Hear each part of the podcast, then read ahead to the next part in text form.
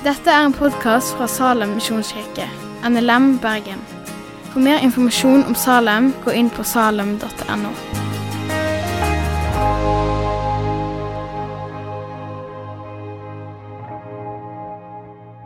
Jeg håper du tok del i lovsangen som vi nettopp fikk høre. Vi er kommet fram til tredje søndag i denne taleserien om penger. Og Overskriften over alle søndagene har vært 'Hva sier Bibelen om penger?' Første søndag så hadde Kristian Lilleheim tema, eller undertittelen 'Trygge liv'. Og Sist søndag så hadde Åshild Nordpål undertittelen 'Pengene eller livet'. Og For deg som eh, gikk glipp av å høre på de talene, så kan du gå inn på salem.no og lytte til dem på podkasten. Så vil du få en større helhet i tematikken enn det du får gjennom denne talen som jeg skal ha. Undertitel, er, min undertittel er 'Gud og mammon'. Og Kanskje tenker du eh, hvorfor i all verden skal en ha tre taler om penger? Det må vel holde med én i massevis. Vel, Bibelen sier ganske mye om vårt forhold til penger eller vår materielle eh, velstand og rikdom, og den sier enda mer om vårt forhold til Gud. Kanskje har du merka at eh, det å stille et konkret spørsmål til et enkeltmenneske om hvor mye tjener du, er det ofte vanskelig å få et veldig konkret svar på. Og Derfor er det stort sett et spørsmål vi unngår å stille, fordi vi vil ikke skape dårlig stemning. Men et annet spørsmål som jeg tror for de fleste av oss er helt utenkelig å stille til et, konkret til et enkeltmenneske, er dette hvordan forvalter du rikdommen din? Det er greit jeg kan stå her og jeg kan stille det som et retorisk spørsmål. Jeg kan stille det som et spørsmål til ettertanke for oss alle. Hvordan forvalter vi egentlig vår materielle rikdom? Men dersom jeg kom hjem til deg eller møtte deg ansikt til ansikt og krevde deg til regnskap for hvordan du forvalter din rikdom, så vil nok de aller fleste føle at jeg tråkka langt over ei grense som jeg overhodet ikke var velkommen til å stige over. Og Derfor er det mye bønn når vi nå enda en gang skal si noe om penger, vårt forhold til det og vårt forhold til Gud, at vi sammen kan våge å stille oss inn for Guds ord og la Guds ord lyse inn i vårt liv. Og så må vi gjøre opp hva for oss. Hvor står vi hen? Hvordan er mitt liv i dette lys? Og Vi skal begynne med å lese fra Matteus 6 og vers 24. Ingen kan tjene to herrer. Han vil hate den ene og elske den andre eller holde seg til den ene og vanvøre den andre. Det kan ikke tjene både Gud og mammon. Mammon er et fellesbegrep for eh, ikke bare penger, men all vår materielle rikdom som vi kan skaffe oss i denne verden. Og Det Jesus påstår, det er altså at vi kan ikke tilbe Gud eller tjene Gud og mammon på samme tid. Det blir en interessekonflikt som ligger der. Og Hvorfor er det nettopp mammon Jesus utpeker som hovedkonkurrenten til Gud? Hvorfor er det mammon som utgjør en trussel i vårt forhold til Gud? Kanskje Jesu ord i vers 21 i samme kapittel, Matteus 6, kan gi oss et lite hint. Der sier han, For der skatten din er, der vil hjertet ditt òg være. Det spørsmålet som stilles oss, det er altså dette Hvem er det som eier ditt hjerte? Hvem er det som eier dine tanker, dine følelser, fokuset ditt? Følelsene dine, oppmerksomheten din? Og Det Jesus etterspør, er hvem er det egentlig som skaper trygghet i livet ditt?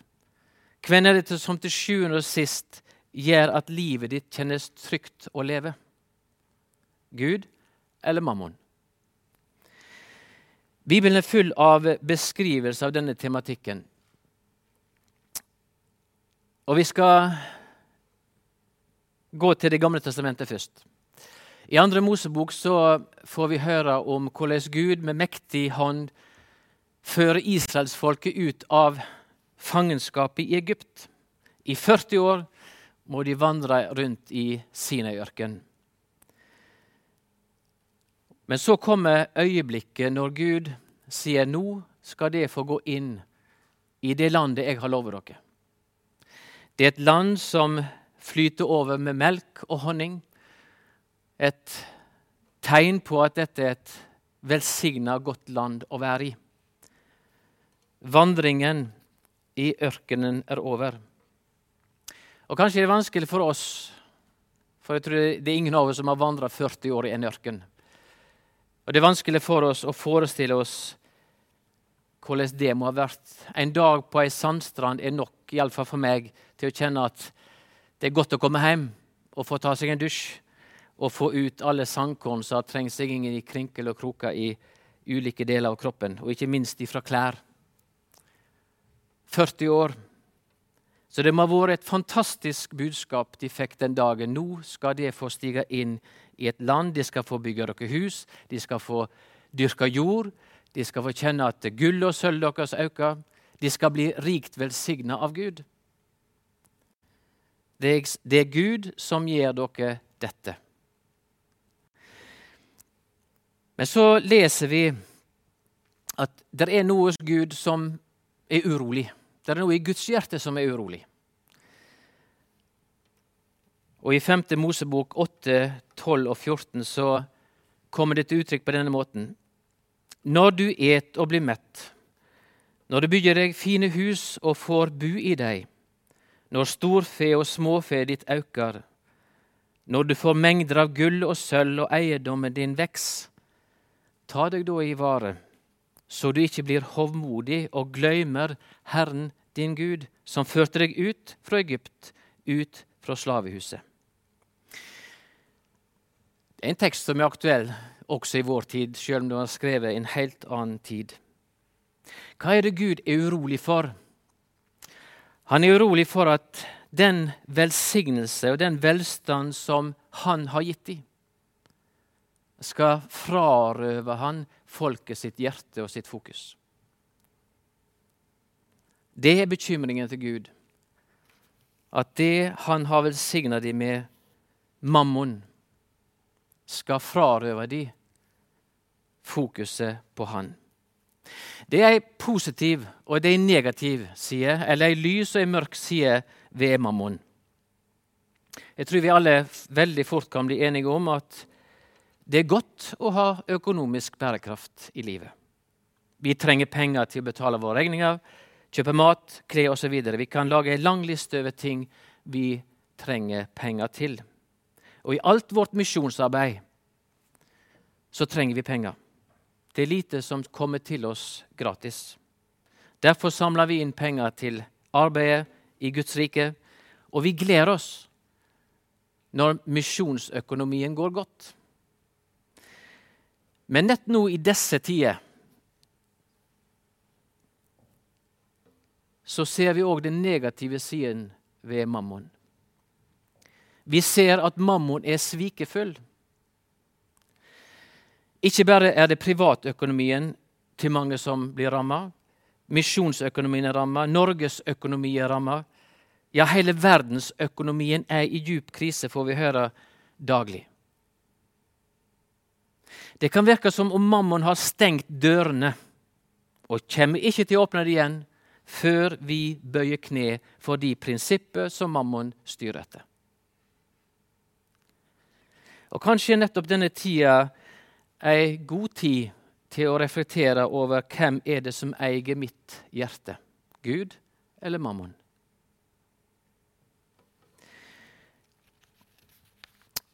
Så la oss lytte til ei annen stemme, Guds stemme, som er ei annen stemme enn den mammon taler med. Og Vi skal lese et litt lengre avsnitt fra Jesu bergpreken, der Jesus sier følgende fra Matteus 26, i vers 25-34. Difor sier dykk, vær ikke urolige for livet, hva de skal ete og hva de skal drikke, eller for kroppen, hva de skal kle dykk med. Er ikke livet mer enn maten og kroppen mer enn klær? Se på fuglene under himmelen. Ikke sår de, ikke hauster de, ikke samler de i hus, men Far dykkar i himmelen før dei likevel. Er ikkje det mykje meir enn deg? Kven av dykk kan med all si uro leie ei einaste alen til livslengda si? Og kvifor er du urolige for kleda? Sjå liljene på marka, korleis dei veks. De strever ikkje, og de spinner ikkje. Men eg sier dykk, ikkje engang Salomo i all sin herredom var kledd som ei av dei. Når Gud kler gresset så fint, det som veks på marka i dag og blir kasta i ovnen i morgen, hvor mye mer skal han ikke da kle dykk? Det er lite truende. Derfor må de ikke være urolige og si hva skal vi ete, eller hva skal vi drikke, eller hva skal vi kle oss med? For alt dette er heidningene opptatt av. Men Far dykkar i himmelen veit at de trenger alt dette. Søk først Guds rike og Hans rettferd, så skal de få alt det andre i tillegg. Vær derfor ikke urolige for morgendagen. Morgendagen skal uroe seg for sitt. Hver dag har nok med si mø. For den som har festa all sin livsgaranti til mammon, og den bærekraft som mammon har, så er dette provoserende ord. Ja, kanskje til og med ansvarsløse ord. Jeg har ikke tenkt å kommentere akkurat dette mer. Jeg har lyst til skal bare ligge der for oss alle til å reflektere over og tenke over inn i våre liv. Vi skal se på en annen side ved Gud og mammon som Bibelen peker på. Og Vi skal lese fra Lukas 16, vers 19-21. Der forteller Jesus ei likning. Det var en rik mann som kledde seg i purpur og fint lin og levde i fest og prakt dag etter dag. Men en fattig mann som heter Lasarus, lå utenfor porten hans, full av verkesår. Han ønskte bare å få metta seg med det som fall fra bordet til rikmannen. Hundene kom til å slikke såret hans. Det er en dramatisk ligning som fortsetter videre nedover, som Jesus forteller om denne rike mannen og Lasarus. Den fattige Lasarus ligger utenfor porten til den rike mannen. Og Hver dag når den rike mannen går ut og inn, så ser han Lasarus. Men ut ifra det Jesus forteller, så gir han han ingenting. Og Vi tenker kanskje umiddelbart for en egosentrisk, selvopptatt dust av en rik mann. Sånn hadde i alle fall ikke jeg oppført meg. Problemet med mammon, og det er det som er poenget, noe av poenget i denne teksten og i Guds ord, det er at mammon gjør oss blind for andres nød og behov. Mitt jag etter mer lukka mine øyne for min neste. Det er et prinsipp i Guds ord om at den som har mye, den som Gud har velsigna med mye, skal dele med den som ikke har. Og Vi ser det igjen i Det gamle testamentet. Guds vrede blir opptent over israelsfolket, som neglisjerer de fattige, ikke har omsorg for enker og farløse, som på den tiden var de sosiale lavest på rangstigen. Og Vi finner òg det prinsippet kanskje tydeligst uttrykt i Jakob sitt brev, der han skriver i kapittel 2, vers 15 og 17. Sett at en bror eller ei søster ikke har klær og mangler mat for dagen. Hva hjelper det da om en av dykk sier til deg Gå med fred. Varm dykk og et dykk mette, uten å gi deg det kroppen trenger. På samme måten er det med trua i seg sjøl. Uten gjerninger er hun død. Faren som Gud ser, når mammon blir herre i livet, er nettopp den blindheten den fører til overfor vår neste. Ikke bare blind, men det er en del av mitt hjerte som må stenges av. Den delen av hjertet heter empati og sympati for andre. Jeg må på en måte overbevise meg sjøl, eller lukke mine øyne for de fattige i verden, i samfunnet, for å overbevise meg sjøl om at jeg fortjener denne rikdommen. Jeg fortjener å få mer.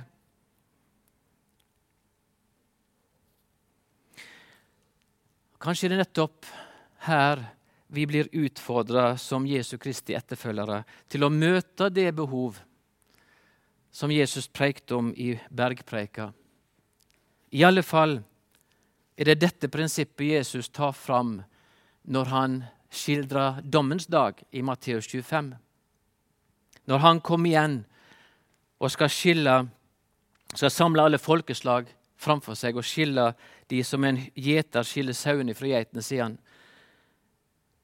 For jeg var sulten, og det gav meg mat. Jeg var tørst, og det gav meg drikke. Jeg var framand, og det tok imot meg. Jeg var naken, og det kledde meg. Jeg var sjuk, og det så til meg.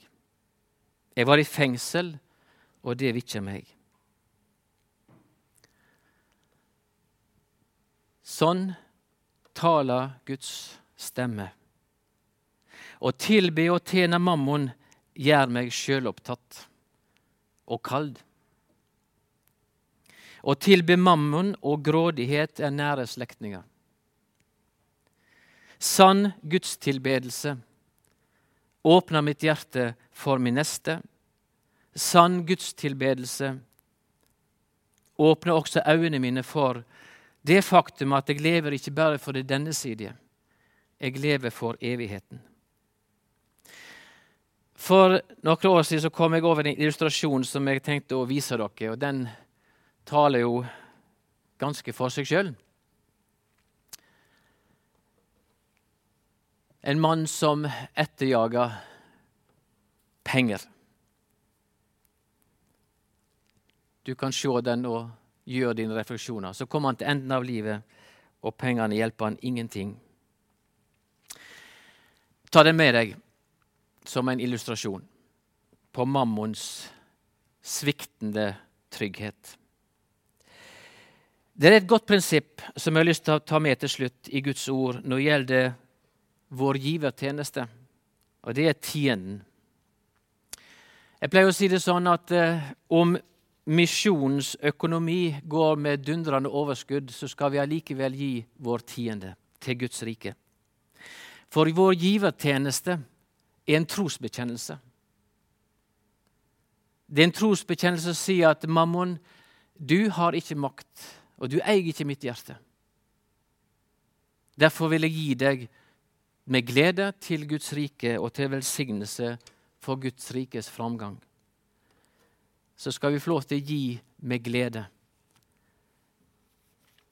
Ikke for verken å oppnå privilegier eller ekstra velsignelser, men det er en bekjennelse av hvem som er herre i mitt liv. Takk for at du har hørt på podkasten fra Salem, Bergen. I Salem vil vi vinne, bevare, utruste og sende, til Guds ære. Vi ønsker å se mennesker finne fellesskap, møte Jesus og bli disippelgjort her i Bergen og i resten av verden. Vil du vite mer om oss, gå inn på salem.no.